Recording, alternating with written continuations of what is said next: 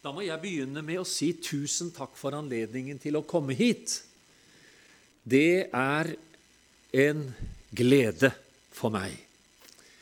Takk for velkomstord, og jeg bor så fint, som dere forstår. Det vet dere jo. Tusen takk for det også. Så skal jeg få være sammen med dere i kveld og i morgen klokka 11. Og så skal jeg vende hjem igjen. Jeg har altså tatt fram noen bibelord som jeg gjerne vil dele med dere, og dele en sannhet med dere. Men la meg begynne, for det er alltid godt å starte med et bibelord. Og da har jeg tenkt å gjøre det fra Johannes evangelium. Og der, der eh, underviser Jesus eh, disiplene sine om at Den hellige ånd skal komme. Og eh, Jeg leser da ifra vers 15, hvor det, overskriften der er løftet om Den hellige ånd. Så tenkte jeg det at vi skal dele dette i to. da. Vi har to bibeltimer, ikke sant? Da gjør vi det sånn at vi tar én time da, så har vi et lite avbrekk. Og så har vi eh, litt undervisning etterpå. Da leser jeg først. Dersom dere elsker meg, holder dere mine bud. Og jeg vil be min far, og han skal gi dere en annen talsmann som skal være hos dere for alltid, sannhetens ånd, som verden ikke kan ta imot, for verden ser ham ikke og kjenner ham ikke. Men dere kjenner ham, for han blir hos dere og skal være i dere. Jeg lar dere ikke bli igjen som foreldreløse barn, jeg kommer til dere. Snart ser ikke verden meg lenger, men dere skal se meg, for jeg lever, og dere skal også leve.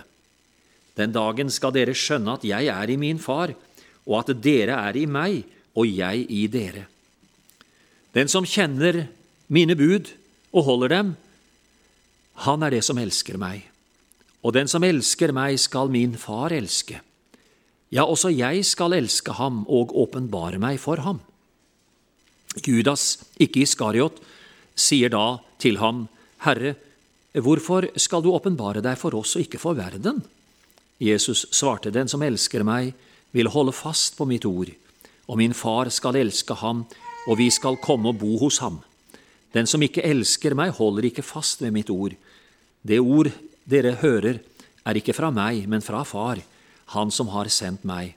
Dette har jeg sagt dere mens jeg ennå er hos dere, men talsmannen Den hellige ånd, som Far skal sende i mitt navn, skal lære dere alt og minne dere om alt det jeg har sagt. Kjære Far og Herre, jeg ber at du skal hellige oss i sannheten, for ditt ord, det er sannhet. Amen. Jeg, jeg vet ikke om jeg fant på det sjøl, eller om jeg fikk en tilskyndelse ovenfra. Jeg, jeg tenker nå det må være det. Og jeg laget en overskrift for disse to møtene, eller tre møtene vi skal ha her. Og da sa jeg mer om Ånden. Mer av Ånden. Mer om Ånden. Mer av Ånden. Det er fint å ha noen bibeltimer som gir kunnskap, men det er ikke nok. Kunnskap må føre til kjennskap. Det å kjenne Ham, sier Paulus. Det er vårt mål, og det er vårt ønske. Kjenne Ham. Og det handler om disippelskap og det å lære Kristus å kjenne. Du vet, Jesus sa når han underviste disiplene om misjonen, Matteus 28, så sa han dere skal, eh, og dere skal lære dem å holde alt jeg har befalt dere. Det der det lille der, det sier så uendelig mye. Det er ikke nok å lære noen, men det er dette å lære å holde. alt det jeg har befalt dere. Å undervise om Ånden er viktig. Samtidig vet vi at Åndens oppgave er å herliggjøre Jesus. Så han er på mange måter den skjulte person i guddommen som retter fokuset mot Jesus. Og det har Jesus også undervist oss om. Så vi må se ham for å se hvem han peker på. Ånden må du se i sammenheng med Faderen og Sønnen.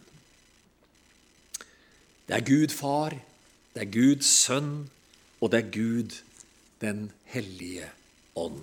Treenigheten.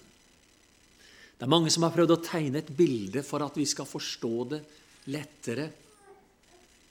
Bildet av opphavet, kilden, Faderen.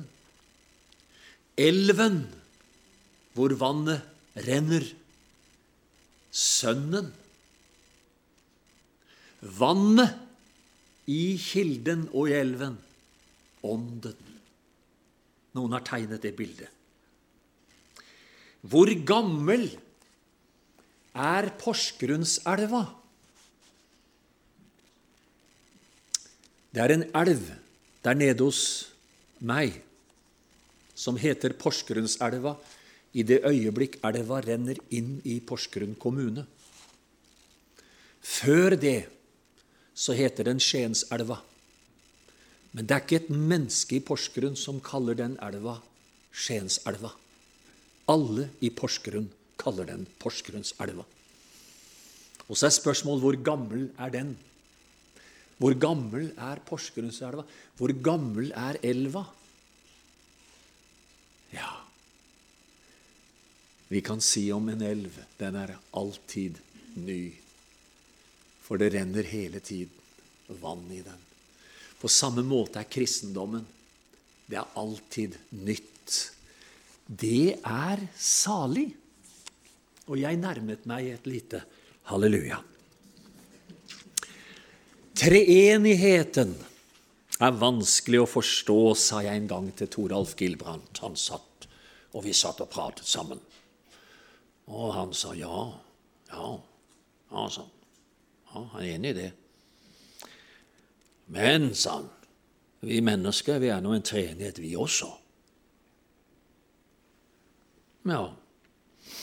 Og så forklarte han det jeg jo mener å kunne si jeg allerede visste, at uh, vi er én person, men uh, vi har tre væreformer, om vi kan bruke det uttrykket. Jeg vet ikke om det var akkurat det han brukte. Vi er en kropp. Vi er en sjel. Kroppen ser du. Sjelen, ja, du kan se virke, virksomheter av den. Tankene våre, viljen vår, følelsene våre. Sjelen vår, altså. Og så er vi en ånd, en menneskeånd, gudsrelasjonen. Og så sa jo Toaf Gilbrandt omtrent som så her, da så er Gud det motsatte. Tre personer i en væreform. Så har jeg tatt med meg det siden.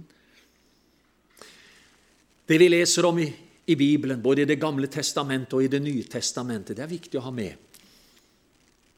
Den eh, eldgamle trosbekjennelsen blant jødene.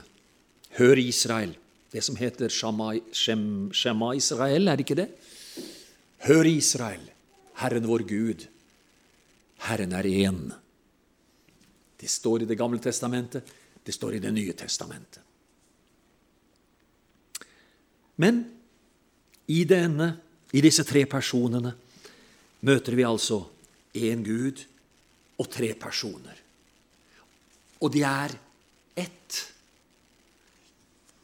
Så Jesus kunne si i Johannes 3 Ingen annen er steget opp til himmelen enn Han som er steget ned fra himmelen, menneskesønnen, som er i himmelen. Herren er ånden, sier apostelen Paulus, og hvor Herrens ånd er, der er det frihet. Og når ånden kommer, sier Jesus, i det vi har lest her fra Johannes 14, kommer jeg til dere. De er ett, og de er tre. Da pinsedagen kom, da var de alle samlet. Med ett kom det en lyd fra himmelen som når det blåser en sterk storm. Og det fylte hele huset der de satt. Og det viste seg for dem tunger, like som av ild, som skilte seg og satte seg på hver enkelt av dem. Da ble de alle fylt med Den hellige ånd, og de begynte å tale i andre tunger, alt ettersom Ånden ga dem å tale. Åndens komme er altså beskrevet på denne måten. Og det som Lukas beskriver, det er jo virkningene av hans komme. Ser du det? Og åndens komme til jorden er like epokegjørende som Jesu første komme til verden. Merk deg det jeg sa. Vi feirer jul for å minnes at Jesus ble født i Betlehem. Vi feirer pinse fordi vi feirer at Den hellige ånd kom til jorden, og han kom til Jerusalem, for å si det sånn.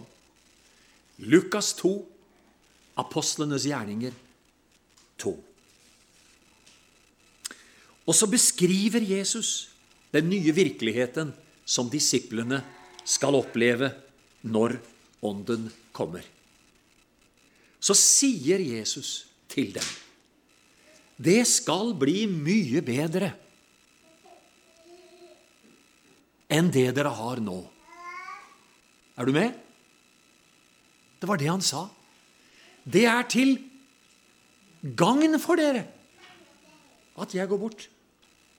Det skal bli bedre for dere. Det er det beste for dere at jeg går bort. Jeg er ganske sikker på dere. Disiplene skjønte ikke at det kunne være sant. Er du med? Klart det. Det skjønte de ikke. Så sier Jesus til dem, 'Jeg fortalte ikke dette til dere i begynnelsen, når han underviste, men nå var de modne til å høre det. Det er til gagn for dere.' Men går jeg bort, da kan jeg sende ham til dere. Det er en fantastisk interessant tanke. Det forteller Jesus disiplene der. Og grunnlaget for Åndens komme, det er Jesu frelsesverk. Ja. Dette sa han om den ånd de skulle få som trodde på ham, for ånden var ennå ikke kommet fordi Jesus enda ikke var herliggjort. Det er til gagn for dere at jeg går bort. Det er underlig å tenke på. Men går jeg bort, da skal jeg sende ham til dere. Og så vet vi at Jesu frelsesverk er grunnen til at Ånden kunne komme.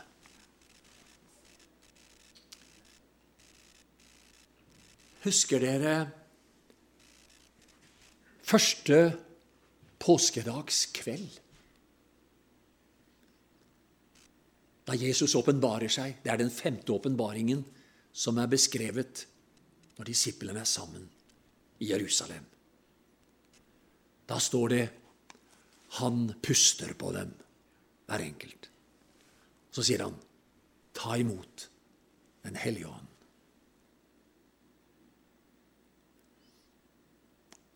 Jesus forbereder dem på noe som skal komme, og det er fra ham til dem.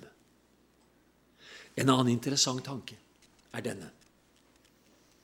Den første åpenbaringen som skjer første påskedag, det er med Maria.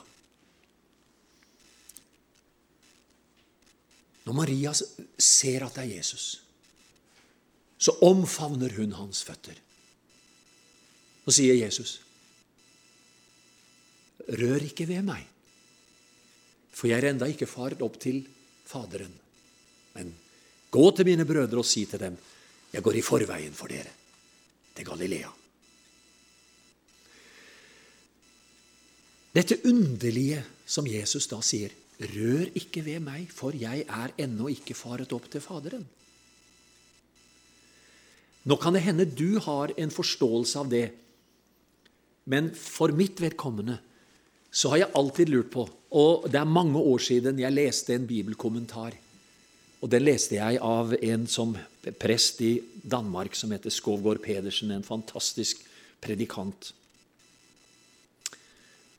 Og Den har jeg på mange måter falt til ro med. Og så får du prøve den. Og hvis du ser noe mer i den, så, så, så, så Gud velsigne deg for det. Det må være lov å tenke flere tanker om akkurat det, da. For hvorfor sa Jesus det? Og da sier Skovgård Pedersen følgende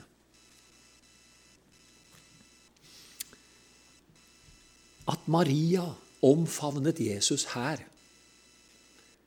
var jo ikke noe anstøtelig. En annen ting Jesu oppstandelseslegeme tålte jo berøring.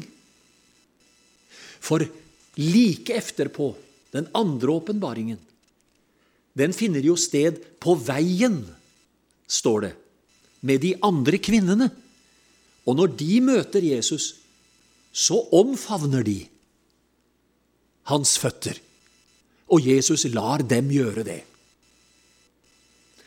Nei, sier Skålgård Pedersen. Det kan hende det er en annen grunn. Det kan hende at Marias omfavnelse er uttrykk for en misforståelse. Kanskje hun tenker nå skal alt bli som det var. Halleluja! Forstår du tanken? Endelig, Jesus lever, og nå skal alt bli så godt som det var. Men så sier Skovgård Pedersen men det skulle jo ikke bli så godt som det var. Det skulle jo bli mye bedre enn det noen gang hadde vært. For Jesus sier, 'Jeg skal fare opp til Faderen'. Og så beskriver også Paulus dette. Så skal jeg, så skal Jesus motta av Faderen Den hellige ånd. Og så skal jeg sende ham over dere. Amen. Og da skal alt bli mye bedre enn det det hadde vært. Var ikke det en fin tanke? Og jeg syns det samstemmer med det andre. Og så gjorde jo Jesus det. På Kristi himmelfartsdag så forlot han dem og steg opp til Faderen, satte seg ved majestetens høyre hånd i det høye, mottok av Faderen Ånden, en tredje person i guddommen, og så øste han ham ut over disiplene på pinsedag, og så ble alt herligere enn det hadde vært til nå.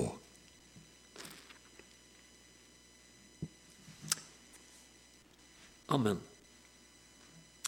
Jeg syns det er godt her oppe hos meg, hvor jeg står og preker. Er det salig her nede også? Går det godt? Er det er det, det? Kan det virkelig Ja. Halleluja. Skal dere høre videre? Hadde ikke Ånden vært på jorden før? Jo, det hadde han vært. For han er fra evighet. Men han, eh, og, i den, og i den gamle pakt, i den gamle tid, så har han vist seg på forskjellige måter. Under den første tid, fra skapelsens begynnelse, så virker Ånden gjennom fysiske midler, og i tilknytning til skaperverket. Da kalles ånden på gresk roar, som betyr kraft, vind, pust, storm osv. Og, og du møter det i de første bladene i Bibelen. Guds ånd svevet over vannene. Uttrykket 'svevet' kan oversettes med 'ruget over vannene'. Eller dette Gud blåste livsånden inn i mennesket. Kommer du til den gamle pakt, så møter du åndsåpenbaringen. Ånden virker gjennom utvalgte og innvidde personer, profeter, dommere, og gjennom seremonier. I tempelet, for eksempel. I tempelet Guds herlighet Husker du da tempelet ble innviet? Så var herligheten så stor, shekina, herligheten så sterk, at prestene kunne ikke gjøre tjeneste i tempelet. Og så møter du profeter og dommere som er innvidde mennesker. Jeg tenker på en som jeg spesielt eh, har eh, tenkt å nevne nå. Jeg, jeg har ikke undersøkt om det er Gideon, men jeg tror det er han, hvor det står Da begynte Herrens ånd å drive ham da han var i Dans leir. Da begynte Herrens ånd å drive ham da han var i Dans leir. Og jeg har tenkt tanken Hva var det der? Det kan jeg jo ikke få svar på, men jeg tenker hva var det der som gjorde at Ånden fikk sånt grep om ham? Det kan hende det var noe med miljøet der oppe, jeg vet ikke. Men da begynte Guds ånd å drive ham. Guds ånd kom, var åpenbarte seg. I den nye pakt så virker, så virker Ånden gjennom Jesus, gjennom Hans ord og gjennom Hans navn. Amen. Det finnes ingen kristelig erfaring uten ved Den hellige ånd, på gresk pnauma. Den nye, I den nye pakt, når Jesus har fullført renselsen for våre synder, så er det akkurat sånn som det var på Noas tid. Da vannet begynte å trekke seg tilbake, så slapp han ut en due. Men duen kom tilbake, for det var sikkert så mye åtsle rundt omkring der hvor jorden og vannet trakk seg tilbake, og jorden kom frem. Så duen trakk seg tilbake til arken igjen. Og så skjer vel det to eller tre ganger, og så er duen reist, for å si det sånn. Og så har jeg tenkt ja, for at Ånden skulle komme, så måtte det være et, en, en renselse på jorden for menneskenes synder, så Ånden kunne få boplass der. Og det er den boplassen som Ånden har i dag i våre liv, fordi ved troen så renset han våre hjerter. Amen. Halleluja.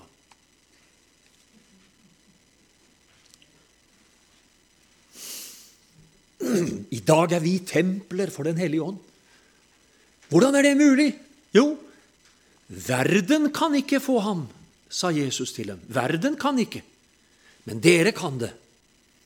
Fordi frelsesverket har blitt en realitet i våre liv, som du også leste fra Efesebrevet. For uh, av nåde er dere frelst ved tro. Det er ikke deres eget verk, det er en Guds gave. Det hviler ikke på gjerningen for at ikke noen skal rose seg, for vi er Hans verk. Og der har Herren Jesus renset våre hjerter ved troen. Takk og lov og pris. Og så er våre liv et bosted for Den hellige ånd. Hvis du ser der som vi har lest ifra Johannes evangelium kapittel 14, så finner du syv utsagn om Ånden i avskjedstalen. Syv utsagn. Og det første utsagnet, det er dette. Han, Ånden, skal bli hos oss og være i oss.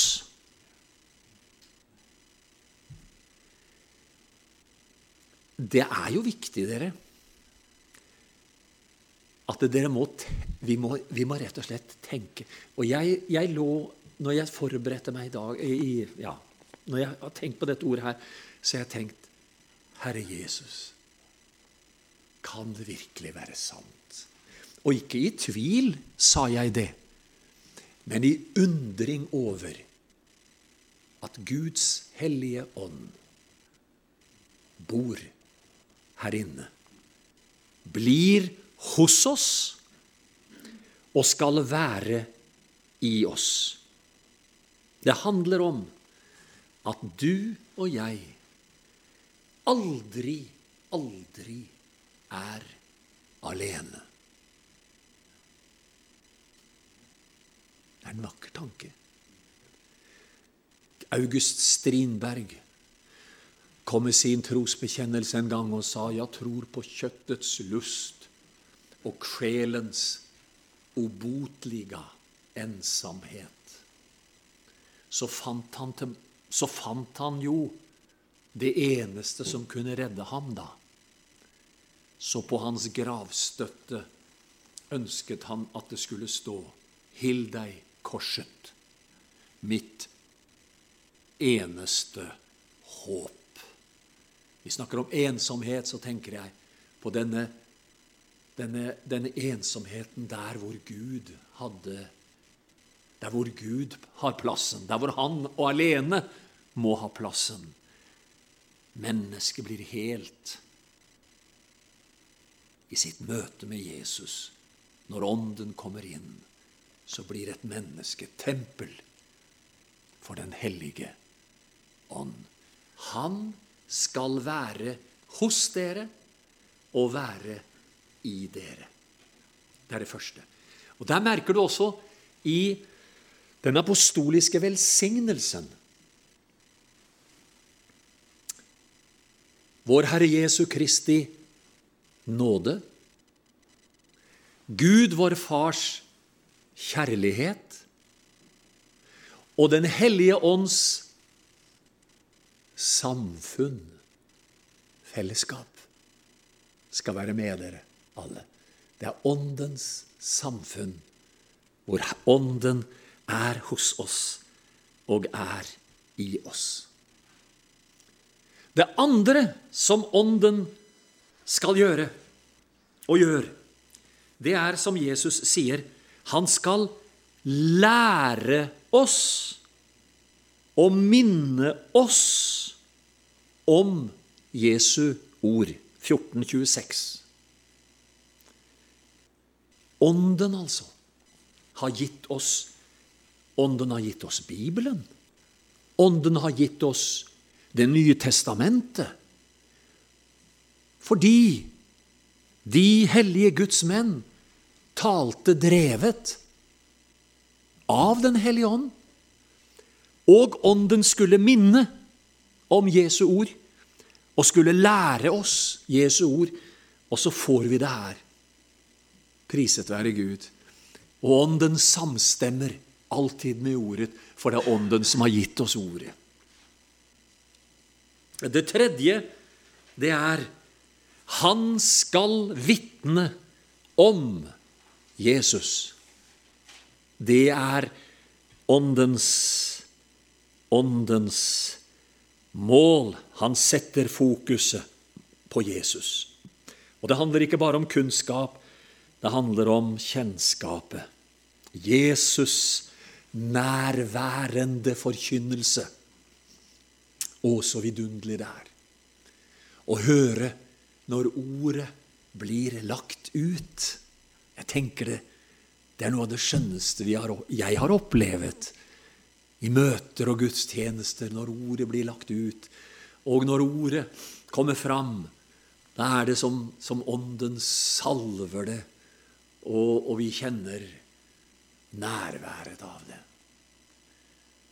En vekkelse som har fått en dårlig ord på seg, og det er fordi den sporet av på mange måter.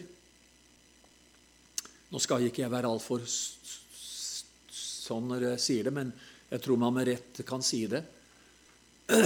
Før, før pietistvekkelsen kom, så levde ortodoksien blant de troende, og eh, det var bokstaven hele veien.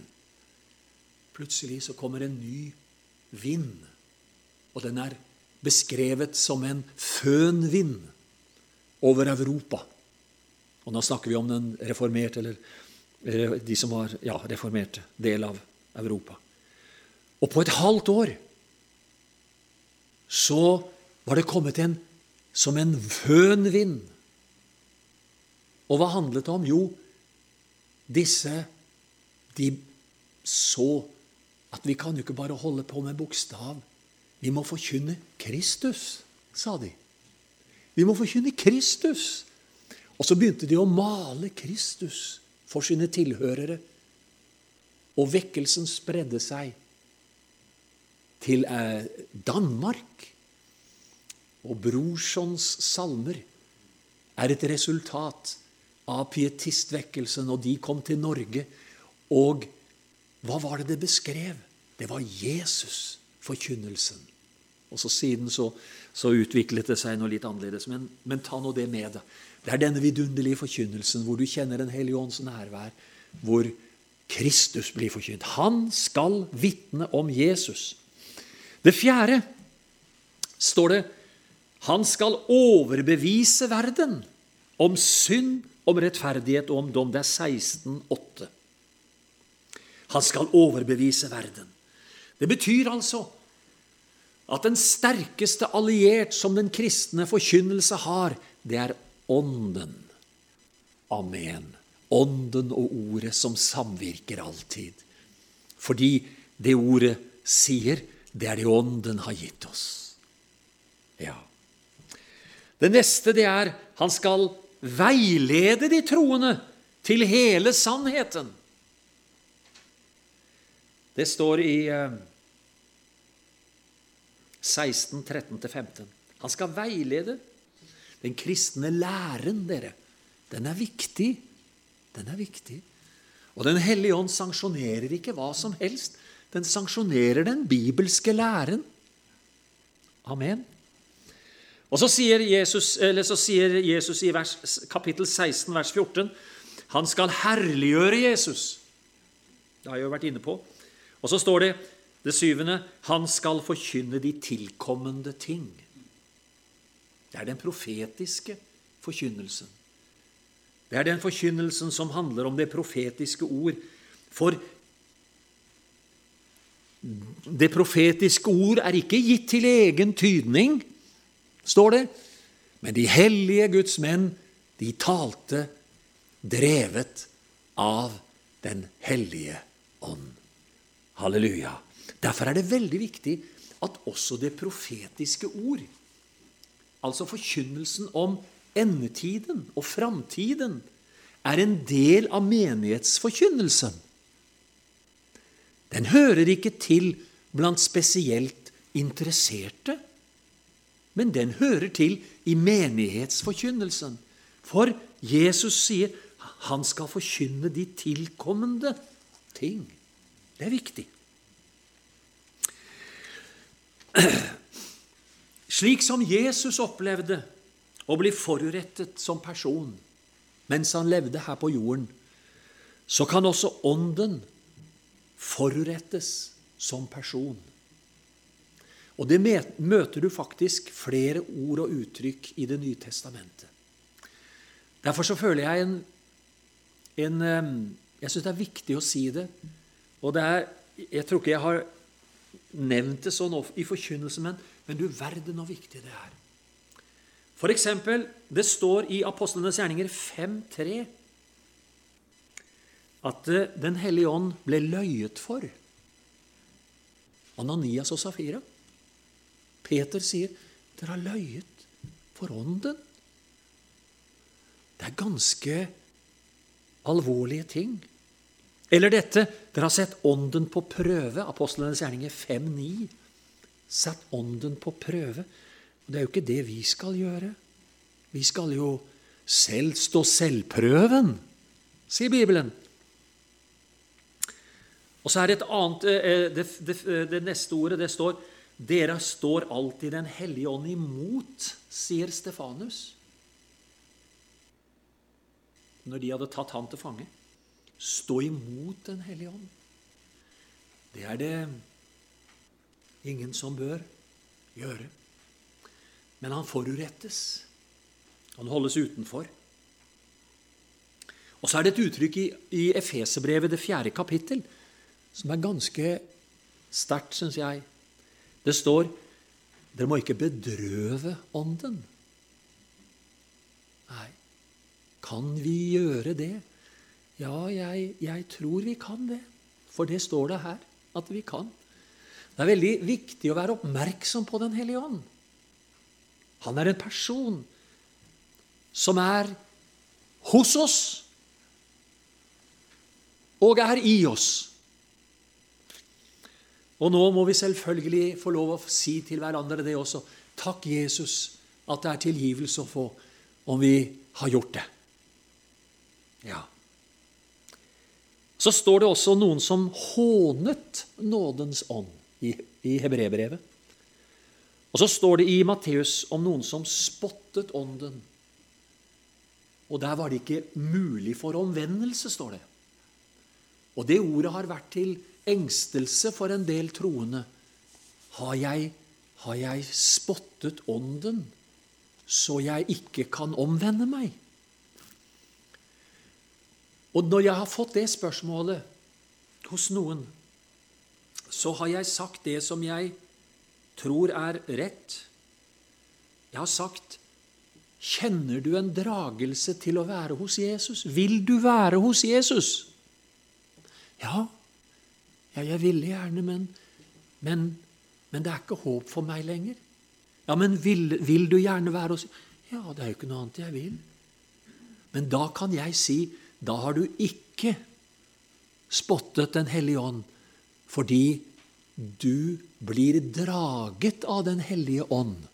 Tar du, tar du poenget? Du skjønner hva jeg sier? Du blir draget av Den hellige ånd. Det er Han som sørger for den dragelsen til Kristus, og det er Han som gjør at du vil holde deg hos Jesus. Så hvis du kjenner i ditt hjerte at du vil være hos Jesus, så tror jeg det er et resultat av Den hellige ånd. Hadde du ikke kjent den trangen, men vært kald i forhold til det Du er ikke interessert, du, du er kjørt, du kald. Da er det noe annet. Men mange av de, eller iallfall de som jeg har snakket med, så har de vært i den situasjonen at de har følt jeg ville så gjerne, men jeg, jeg tror ikke jeg kan fordi jeg har bedrø, har, har syndet mot Ånden. Men tvert imot kunne jeg da si nei, du, du kjenner at du ønsker å være hos Jesus, og da er det Den hellige ånd som drar deg. Du tar poenget. Ja, halleluja, hvor langt er jeg kommet nå? Nå må jeg se på klokka.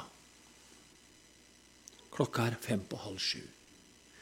Er det greit at vi nå tar ei lita pause? Og så har jeg noe jeg vil gå igjennom. De syv eller de åtte symbolene på Ånden som du møter i Det nye testamentet. Og det er beskrivelser av Den hellige ånd og Den hellige ånds virke og gjerning.